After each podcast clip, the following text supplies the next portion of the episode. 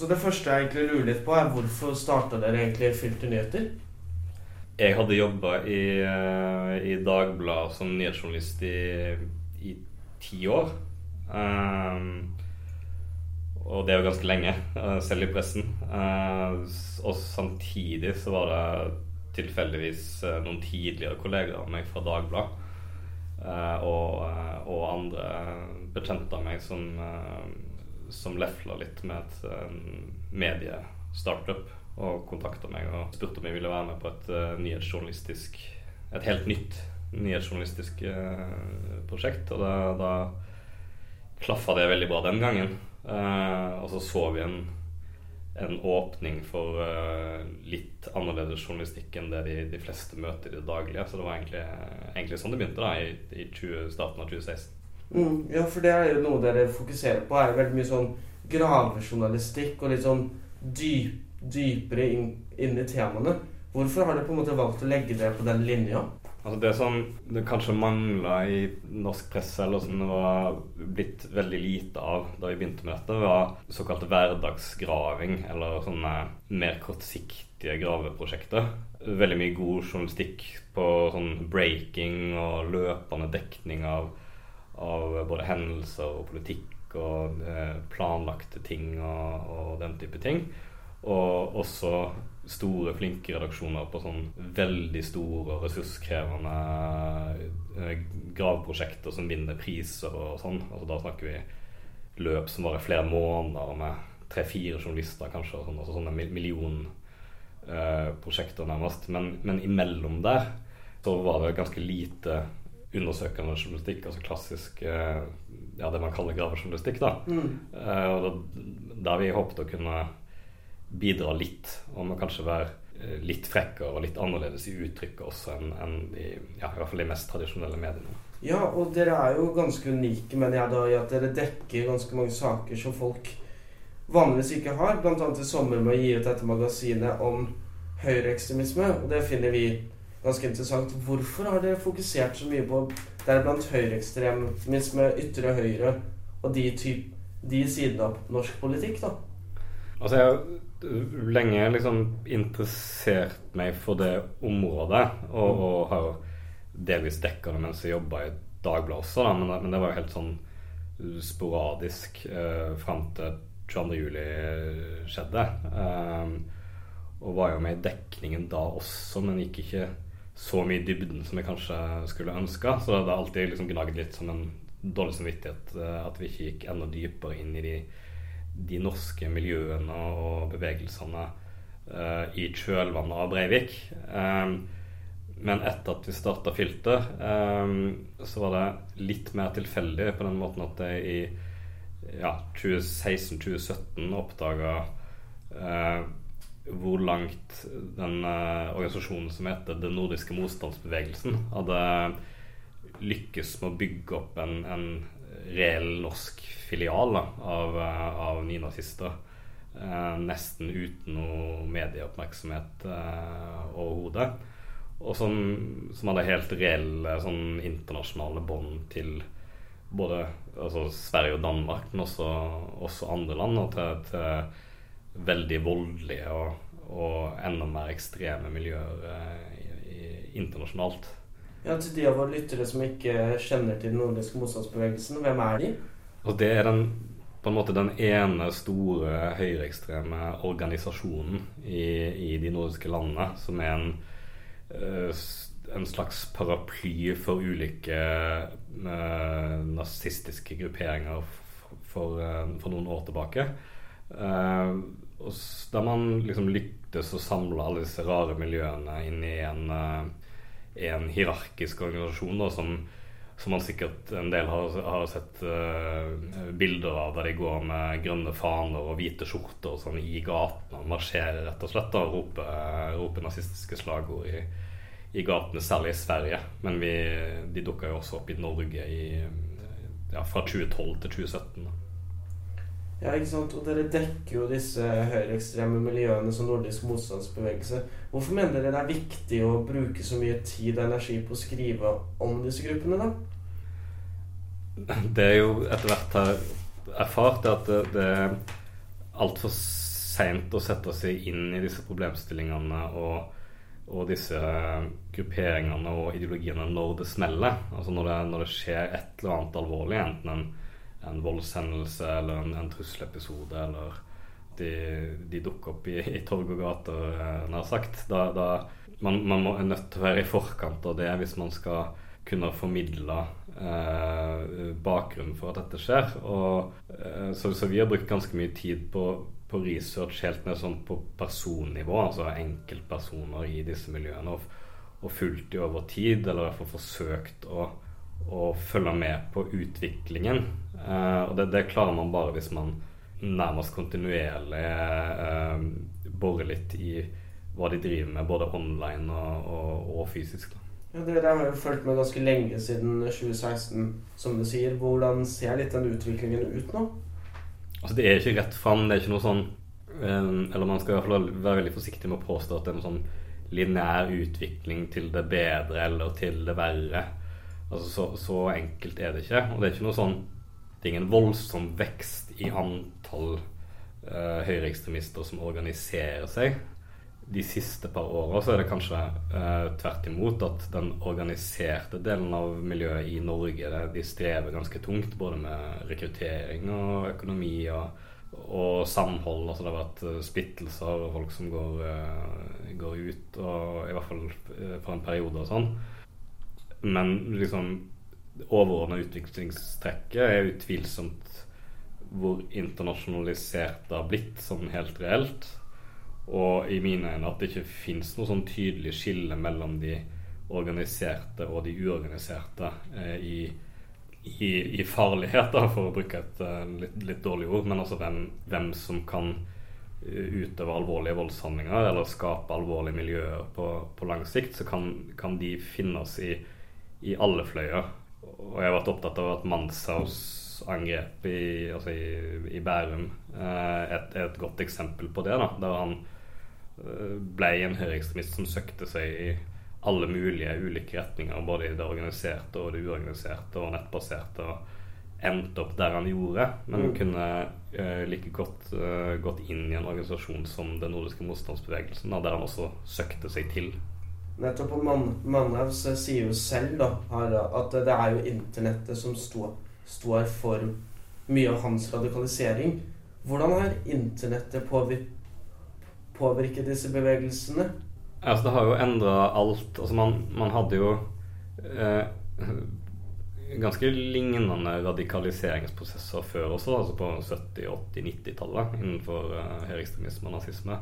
Men, men, hurtigheten er helt annerledes nå. Og, og hvordan, liksom den, hvordan det arter seg som subkultur. Altså det, det, er helt utrolig lett tilgjengelig. Altså hvis man er hvis man er en, en, ung nordmann som ser på seg sjøl som litt sånn, lei av det politisk korrekte, eller eh, nysgjerrig på høyreradikale stemmer, eller eh, ja, uh, YouTube-stjerner som sier ting som de er, osv., så, videre, så, så er ikke veien så fryktelig lang derfra til å, til å havne borti mye mer eh, altså konspirasjonsteoridrevet innhold, holocaust-fornektelse og inn, inn, i det ekstreme. Da. Altså det, det, liksom Det kan skje i løpet av timer. Altså sånn at man mm. i hvert fall støter på den type innhold. Og hvis man da er, altså er dårlig på kildekritikk og er, har en dragning i den retningen, så kan den radikaliseringen skje fryktelig fort. Mens, mens før internett, eller i hvert fall før utbredelsen av, av sosiale medier og sånn, så så var, var, man kanskje altså bundet til å bestille fanziner fra utlandet. altså Sende pengesedler til USA og vente uh, to uker på at du fikk en, uh, en sånn papirlefse tilbake. Og så uh, diskuterte du det med andre, og for å møtes, møte meningsfeller fysisk, så måtte du kanskje dra på Hvit makt-konserter i Sverige eller Danmark eller altså, liksom, Ultima Thule og den gjengen. Ja, ja og det, og det, det, krevde både mye mer innsats og Uh, ja, og, og radikaliseringsprosesser en mye mer langstrakt periode, da. Uh, ja, for nå, man, nå, kan du sitte på gutterommet og, og, lære det på egen hånd? Ja, og, og, og, det er jo ikke på egen hånd heller, men man, man, man finner veldig raskt uh, forum med meningsfeller også.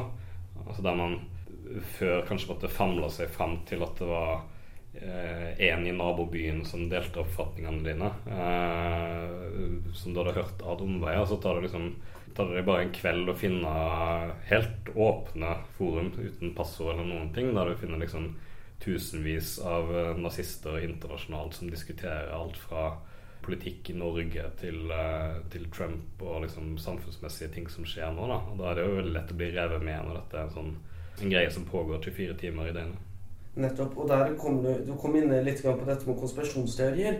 Og det syns vi er ganske interessant. Og dere skriver veldig mye om disse konspirasjonsteoriene. Og hvordan går man fram da, når man driver med journalistikk med folk som har et helt annen virkelighetsoppfatning enn det dere har? da? For det, hvordan er det dere går fram og dekker grupper og mennesker som tror på ting som baserer seg på helt andre virkelighetsoppfattelser, slik som at holocaust ikke skjedde da? Det er en helt annen virkelighetsoppfattelse enn det du og jeg har. Hvordan går det fram som journalist for å dekke sånne miljøer? da? som dukker opp på disse forumene? Nei, altså det, det er kjempevanskelig, og vi har jo ikke noe altså Det er jo sjelden man kan ta, ta mål av seg til å eh, omvende noen av disse med, med en nyhetsartikkel, eller overbevise dem om at de tar feil ved å, å vise til andre kilder og sånn. For så enkelt er det selvfølgelig ikke med de som er dypt, eh, dypt ned i dette. Fordi, fordi kildekritikken deres har jo svikta så så grunnleggende at de er jo ikke mottagelige for ting fra offisielle kilder, eller som er åpenbart mer vitenskapelig belagt enn hva de selv uh, holder fram osv. Fordi det, det, For de som er verst ramma, for å liksom sykeliggjøre det litt, så jo, vil jo alle sånne all sånn pirking fra utsida blir tatt til inntekt for at konspirasjonsteorien stemmer. At, uh, at alle rundt de bare prøver å ødelegge ødelegger for dem, eller å legge skjul på sannheten. Altså det, jo, det, ligger jo i kjernen her at, at eh, myndighetene og pressen og akademia osv. lyver. De, de, snakker ikke sant, de dekker til hva som egentlig har skjedd. Og historikerne som har skrevet om andre, andre verdenskrig, har, har, kollektivt konstruert en historie for å dekke over at det egentlig ikke var noen jødeutryddelse osv. Nettopp. Og da lurer jeg litt på Hvis det ikke er konspirasjonsteoretikerne, og det er ikke de høyreekstreme dere på en måte prøver å nå ut til fordi de er så dypt, dypt inne i disse miljøene, hvem er egentlig målgruppa for artiklene deres? Hvem er det som dere prøver å nå ut med gravejournalistikk om nynazisme og konspirasjonsteorier? Altså, vi håper jo at, at man får synliggjort en del av mekanismene og faresignalene som altså at man kan identifisere hvem som er på vei inn i dette her, og ikke minst hvor farlig det kan være. da. Eh, I, I, det siste så har vi satt fokus på en del sånn altså veldig unge eh, nordmenn som er i hvert fall på vei inn i en radikaliseringsprosess, enten de forstår det sjøl eller ikke. Eh, og som er lulla inn i veldig mye humor og ironi og nettkultur. Som er liksom altså Det er gjengs på tvers av både det organiserte og uorganiserte i, i 2021 og har vært det de siste i hvert fall fem årene. Og som, som kan ufarliggjøre det også for foreldre og skole og samfunn ellers. Fordi de kan Altså det de alltid griper til, er å avfeie det som, som tull eller bare tabu. Altså humor med tabuer og memer og visuelle gags og Ja, det er hakekors, men det er ikke ment sånn og, og innforståtthet fra gamingkultur og sånn, da, som eh, hvis de blir konfrontert med det, så, er det forklaringen bak. Mens, uh, mens, vi har forsøkt å synliggjøre at, at, det kan ligge helt ekte radikalisering bak all den uh, staffasjen. Mm, så på en måte dere driver litt med advarsel og folkeopplysning i tillegg? Vil du, vil du si det? Ja, det er jo, det, er jo på sett og vis det. Men, men så klart vi, vi, ønsker jo også å bevisstgjøre de som har en dragning mot det, og, og kanskje få synliggjort at, at det, det, kan ende veldig galt. Og at det er mulig å komme seg ut av det også. Altså det er jo Jeg skrev en liten bok om dette, og da, da snakker jeg med, med, noen avhoppere også, altså fra, fra det organiserte nynazistmiljøet. Eh, som jo viser at det, det, det, liksom, det, det er mulig å, liksom, å avslutte det her, selv om det havner veldig dypt ned. Ja, man kan, man kan komme seg ut. Eh, hvordan kom, Du snakker litt om at du har kommet i kontakt med både avhoppere Ja, vi runder av straks. Det går bra. Du Ja. ja, det er bra du ser fra. Se. Jo, der jeg var. Eh, det snakker veldig mye om, om på en måte Dere kommer jo i kontakt med disse høyreekstreme miljøene. Hvordan, måte, hvordan blir det på en måte mottatt i høyreekstreme miljøer? Da? Hvordan er, ser de på filternyheter? Får dere no, noen tilbakemeldinger eller kontakt med disse bevegelsene? Ja, altså vi, vi er jo Det er jo fremdeles sånn at vi f.eks. Ringer enkeltpersoner for å innhente imøtegåelse til konkrete saker og sånn. Eh, og det, det, er jo alt fra at, at de slenger på røret, til at de skjeller oss ut, eller at noen uh, gir helt adekvate uttalelser, da. Selv om de, de er sinte på oss pga. tidligere artikler og erklært oss som folkeforrædere på nettsidene sine osv. Så, så, så, har de nok en slags de ville jo ikke kalt det respekt, men, men, jeg tror de har en slags forståelse av at vi vet veldig mye om disse miljøene og disse personene. Så, så, jeg, jeg, tror nok de liksom ja, de, de, frykter nok litt hva, hva, vi vet og hva vi kommer med og sånn. Så det, det, det er noen ganger også en litt sånn nysgjerrighet uh, til hva vi har på en måte funnet denne gangen, hvis, hvis, jeg, kan si det sånn. Men, men sånn Ellers er det liksom ja, det, altså det, er vanskelig for oss å få noen intervjuer med noen i miljøene, fordi de har, en, de har nok en klar oppfatning av at vi er ute etter de på et eller annet vis, selv om vi bare driver undersøkende journalistikk. Føler du at uh, Har det noen gang blitt truet av disse bevegelsen, bevegelsene, siden de på en måte er sånn som Nordisk motstandsbevegelse er jo veldig volds... Eller virker som om de fremmer ganske mye vold? Det, er veldig sjelden vi blir direkte uh, trua. Det er mer sånn underforstått at vi er, uh, vi, vi, er, vi er klassifisert som noen som skal henge oss eller fengsle oss når revolusjonen kommer osv. Men, men, men det er jo ja, det er jo en person fra nynazistmiljøet som er dømt til fengsel for trusler mot meg eh, etter en, en sak i Filternyheter. Men det, det er den mest konkrete konkrete hendelsen da, med, med, med voldstrusler. Ellers er det mer altså sjikane. da. Altså Ja. man, man skjeller oss ut eller gjør narr av oss mer enn at man eh, eksplisitt truer. Ja, da takker jeg for intervjuet. Det var veldig spennende. Selv takk.